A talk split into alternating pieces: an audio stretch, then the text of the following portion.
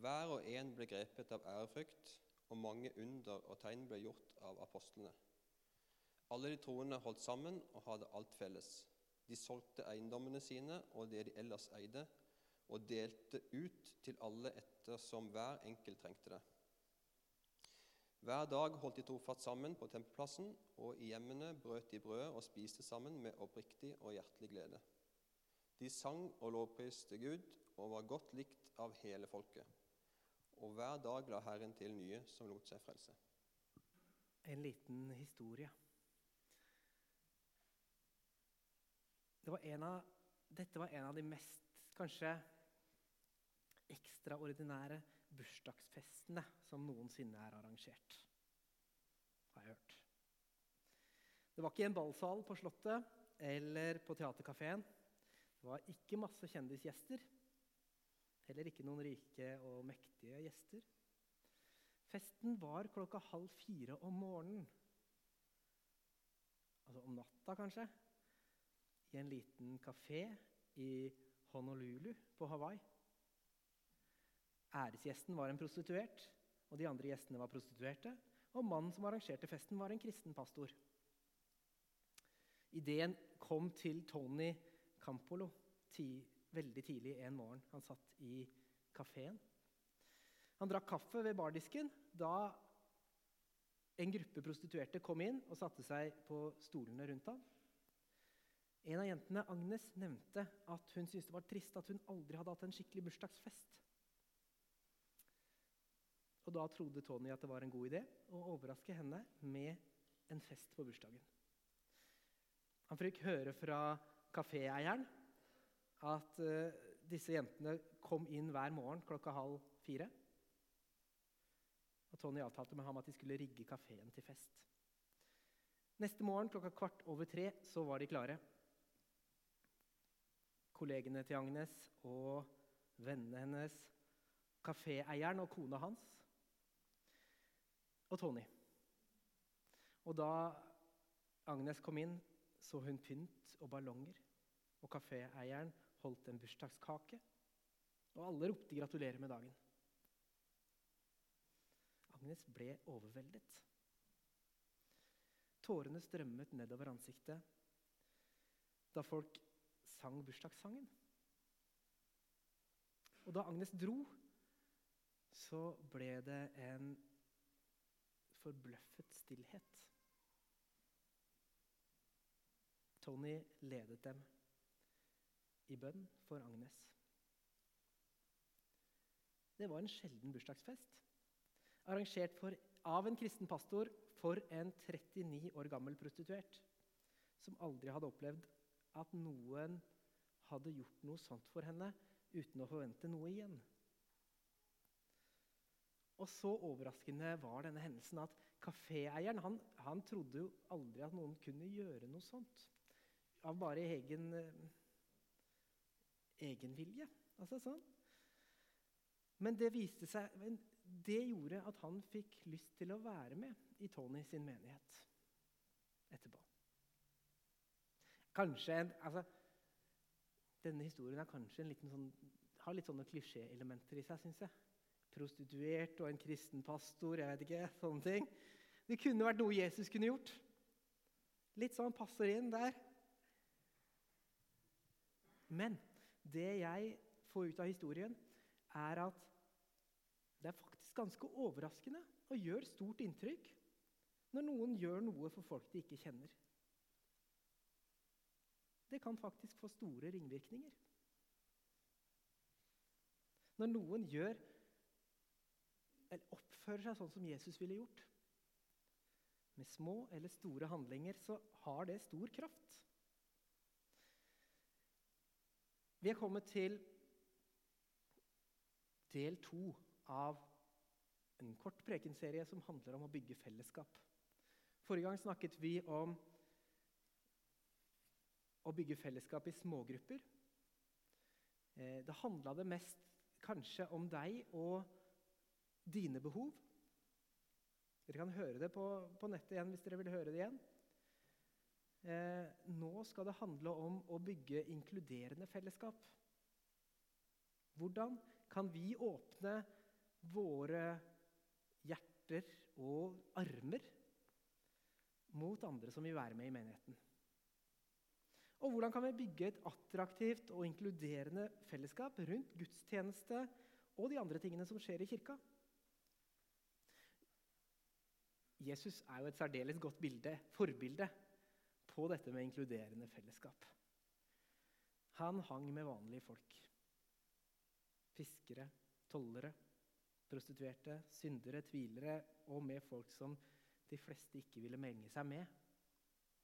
Han så folk viste at han brydde seg om folk. Og det er vel det det handler om, kanskje. Til syvende og sist.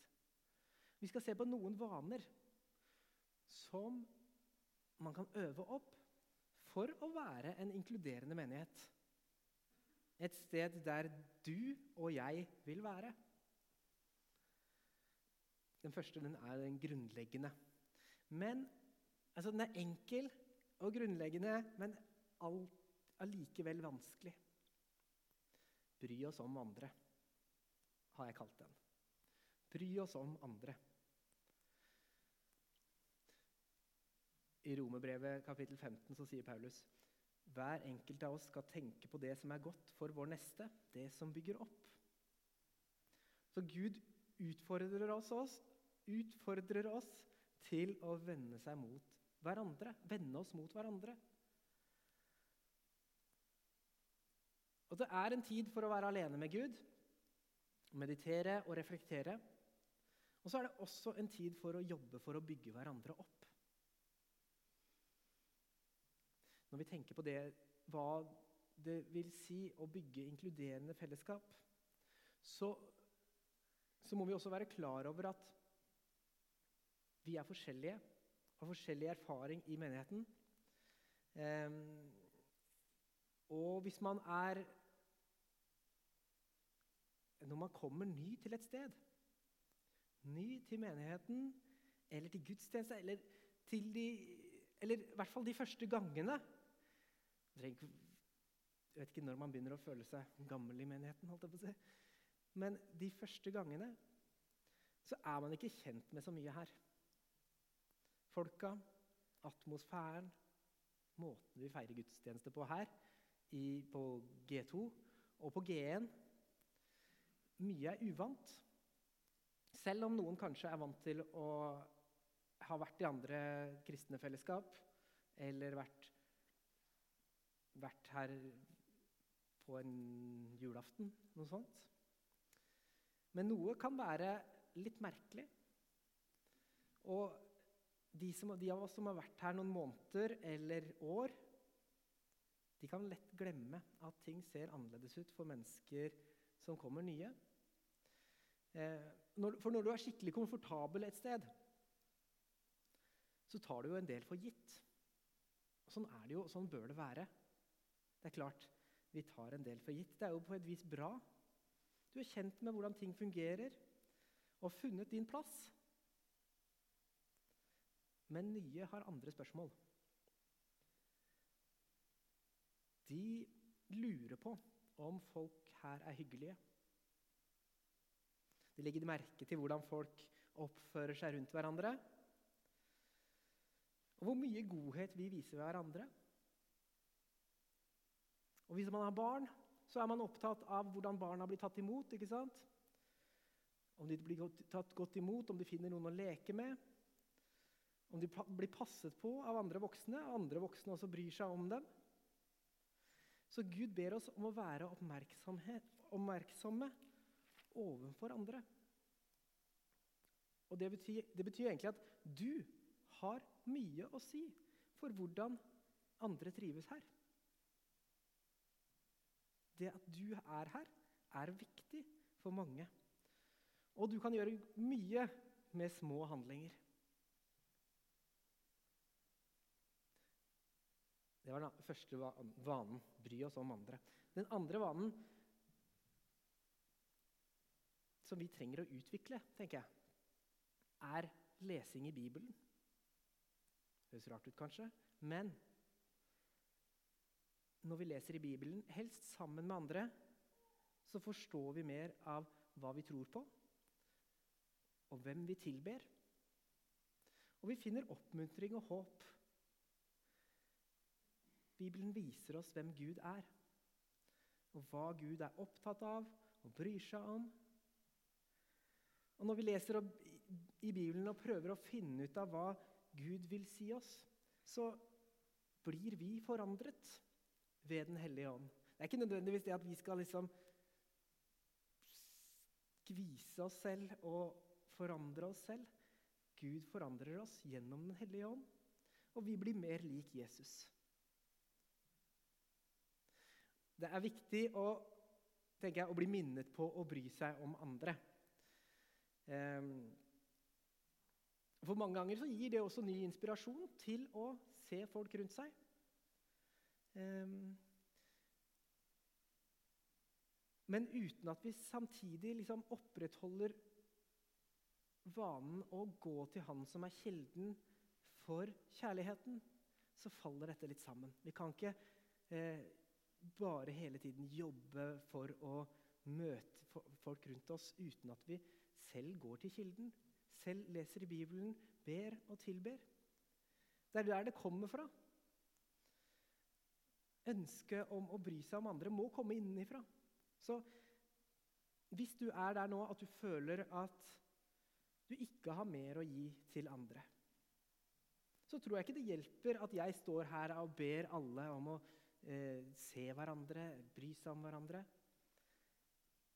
Da blir det, da, det å presse seg selv sånn, det blir bare utrivelig for alle. Nei, du må gjøre deg selv en tjeneste og venne deg til Bibelen og Jesus.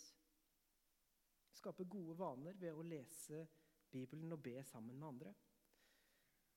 For hvis vi skal være inkluderende, så må vi også kunne tilby et godt miljø. Vi må selv trives her. Ikke sant? Og vi må sammen vende oss mot Gud, som gir liv og håp. Det må komme fra Han. Som jeg sa for to uker siden, så ønsker vi her i Ålgård menighet å bygge en kultur der folk leser Bibelen sammen. Fordi det er viktig å snakke om Bibelen. Det skjer nå mest i cellegrupper og i andre smågrupper, som ofte møtes i hjemmene. Eh, men det, er, her er, det å lese Bibelen sammen er jo så viktig at det kan egentlig ikke Vi kan ikke la rammene for disse smågruppene hindre folk i å være med. Altså som i at Hvis du ikke føler at smågruppe er tingen for deg, så, så har du ikke noe sted å lese Bibelen med andre. Det er litt synd, hvis det er sånn. Kanskje vi kan også se for oss flere anledninger i menigheten til å lese Bibelen sammen og be og snakke om den. Og du kan jo også stille deg selv spørsmålet hvem nye skal jeg lese Bibelen sammen med de neste årene? Eller det neste året er kanskje lettest. Vi har starta opp noen cellegrupper i høst. Og så har jeg lagt merke til at det som jeg syns er mest utfordrende tror jeg, med å starte nye cellegrupper, er akkurat i oppstartsfasen det å få tak i noen som ønsker å på en måte lede gruppa. Altså, for for vi har flere, mange som vil være med i en gruppe. Men det, det å dra i gang er litt vanskelig. Og det skjønner jeg. Man føler seg litt, eh, litt sentral i, i eh, oppstarten når, når, man skal lede. Vi jo, kaller det jo også kontaktperson for, for, disse cellegruppene. Så det er ikke nødvendigvis noe leder sånn.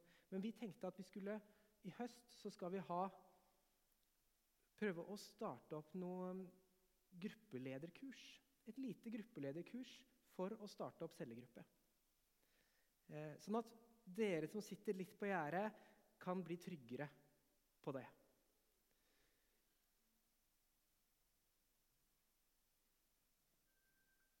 Kanskje du kan bli en ny cellegruppeleder da, i høst? Etter et lite kurs?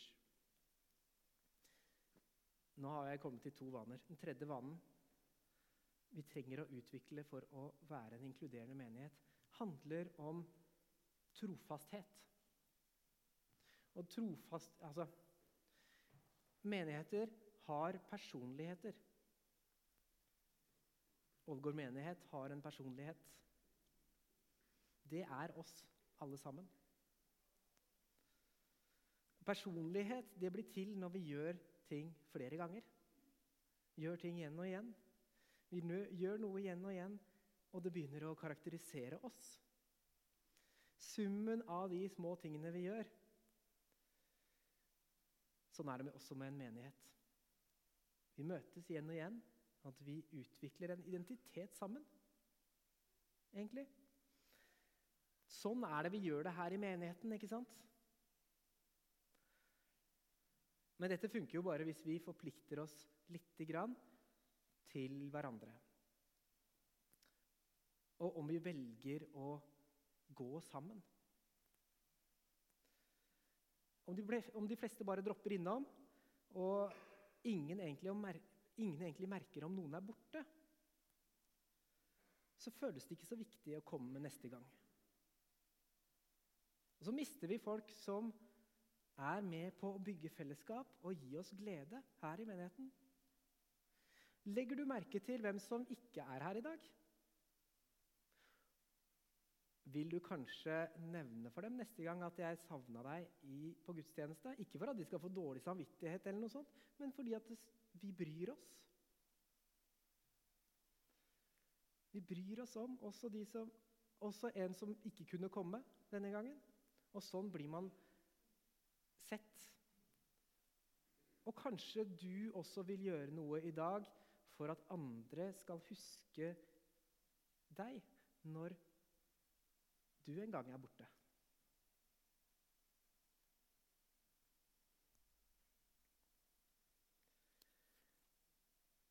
Den fjerde vanen vi kan øve opp spre håp. Det var en gang to identiske tvillinger. De var like på alle måter utenom én. Ganske viktig. Den ene var optimistisk, full av håp, så alltid lyst på livet. Den andre var pessimistisk og så bare det negative i alle situasjoner. Foreldrene deres var så bekymra at de tok dem med til legen. Han foreslo på den neste bursdagen deres så gi pessimisten en skinnende ny sykkel. Men gi optimisten bare en haug med gjødsel. Det virket som en ganske ekstrem ting å gjøre. Foreldrene hadde alltid behandla tvillingene likt. Men i dette tilfellet bestemte de seg for å prøve da, legens råd. Så da tvillingens bursdag kom, så ga de pessimisten den dyreste sykkelen et barn noensinne har eid. Da han så sykkelen, så var det første han sa Jeg kommer til å krasje og brekke beinet. Til optimisten så ga de en nøye innpakket boks med gjødsel. Han åpnet den, så forvirra ut et øyeblikk løp utenfor og skrek, 'Dere lurer ikke meg!' Der det er så mye gjødsel, så må det være en ponni et sted.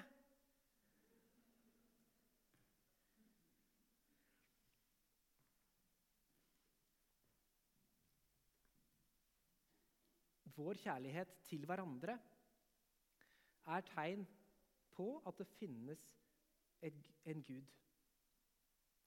Altså, eller en ponni. Nå vil jeg ikke blande, sammenligne vår kjærlighet til hverandre med gjødsel, og det ble jo det jeg gjorde nå. Eh, men vår kjærlighet til hverandre kommer fra et sted, ikke sant? Det kommer fra Gud. Og når vi viser det til hverandre, så viser det til Gud. Så blir det tegn på Gud, at Gud fins. Han er her iblant oss. I Johannes evangeliet kapittel 13 så sier Jesus et nytt bud gir jeg dere. Dere skal elske hverandre. Som jeg har elsket dere, skal dere elske hverandre. Ved dette skal alle forstå at dere er mine disipler, at dere har kjærlighet til hverandre. Guds løfter til oss gir oss grunn til å håpe og være optimistiske. Håpe på en bedre framtid. Håpe på det gode seier over det onde. Sprer du håp rundt deg? Oppmuntrer vi som menighet hverandre til å håpe? Stopper du opp og bruker tid sammen med noen som er triste? Noen som er triste? De trenger håp. Ser du folk som er i vanskelige situasjoner? Du kan gi dem håp. Og som menighet så ønsker vi å gi videre håpet vi har fått. Det var den fjerde vanen å spre håp. Femte og siste vanen jobbe for enhet. Det er en historie om en kirke som måtte ta en vanskelig avgjørelse. Hadde et stort tre på parkeringsplassen som var i veien og skygget overalt. Eh, de måtte kutte det ned. Men en eldre mann argumenterte lenge for at de skulle bevare, skulle bevare treet. Men beslutningen ble tatt. Og den dagen da de skulle kutte ned treet, så var han den første til å dukke opp. Noen sa, 'Jeg trodde, jeg trodde ikke du ville ha det treet kutta ned.' Og da sa mannen, 'Jeg ville ikke det, men vi bestemte oss for å kutte det ned.' 'Så jeg er her for å hjelpe.' Det er å jobbe for enhet.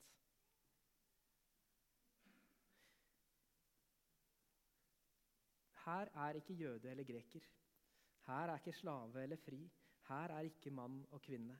Dere er alle én i Kristus Jesus.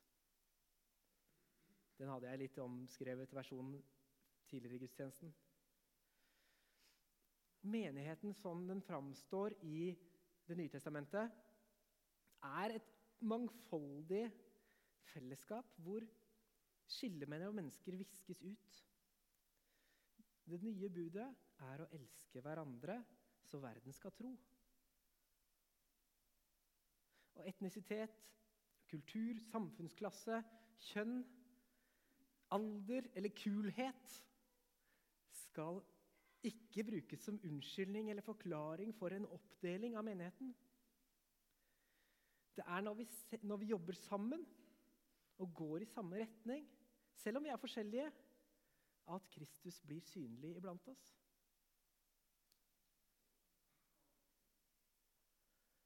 Så det var forslag til fem vaner som dere kan øve på. Bry oss om hverandre. Den er ganske grunnleggende. Men den kommer også av lese Bibelen sammen.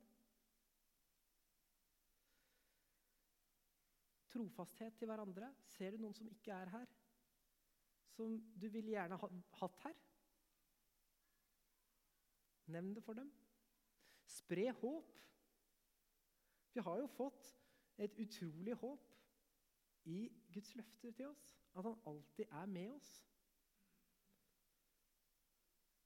Og jobbe for enhet. Jeg får avslutte med denne, dette som Jesus sa i Johannes 13. Et nytt bud gir jeg dere. Dere skal elske hverandre. Som jeg har elsket dere, skal dere elske hverandre. Ved dette skal alle forstå at dere er mine disipler, at dere har kjærlighet til hverandre.